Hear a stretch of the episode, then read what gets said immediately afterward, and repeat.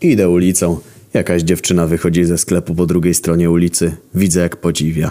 Wpada na jakiegoś kolesia i upuszcza zakupy. Wszystko się wylewa. Podbiegam i pomagam jej.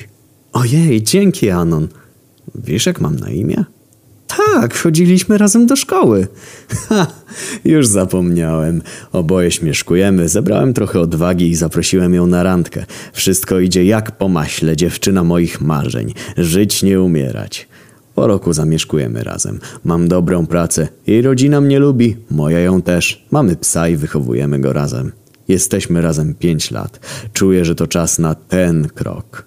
Pytam ją, czy za mnie wyjdzie. Mówi tak. Piękne wesele w okolicznej kaplicy. Czy ty, Anon, bierzesz tę kobietę za żonę? LOL, chyba żartujesz!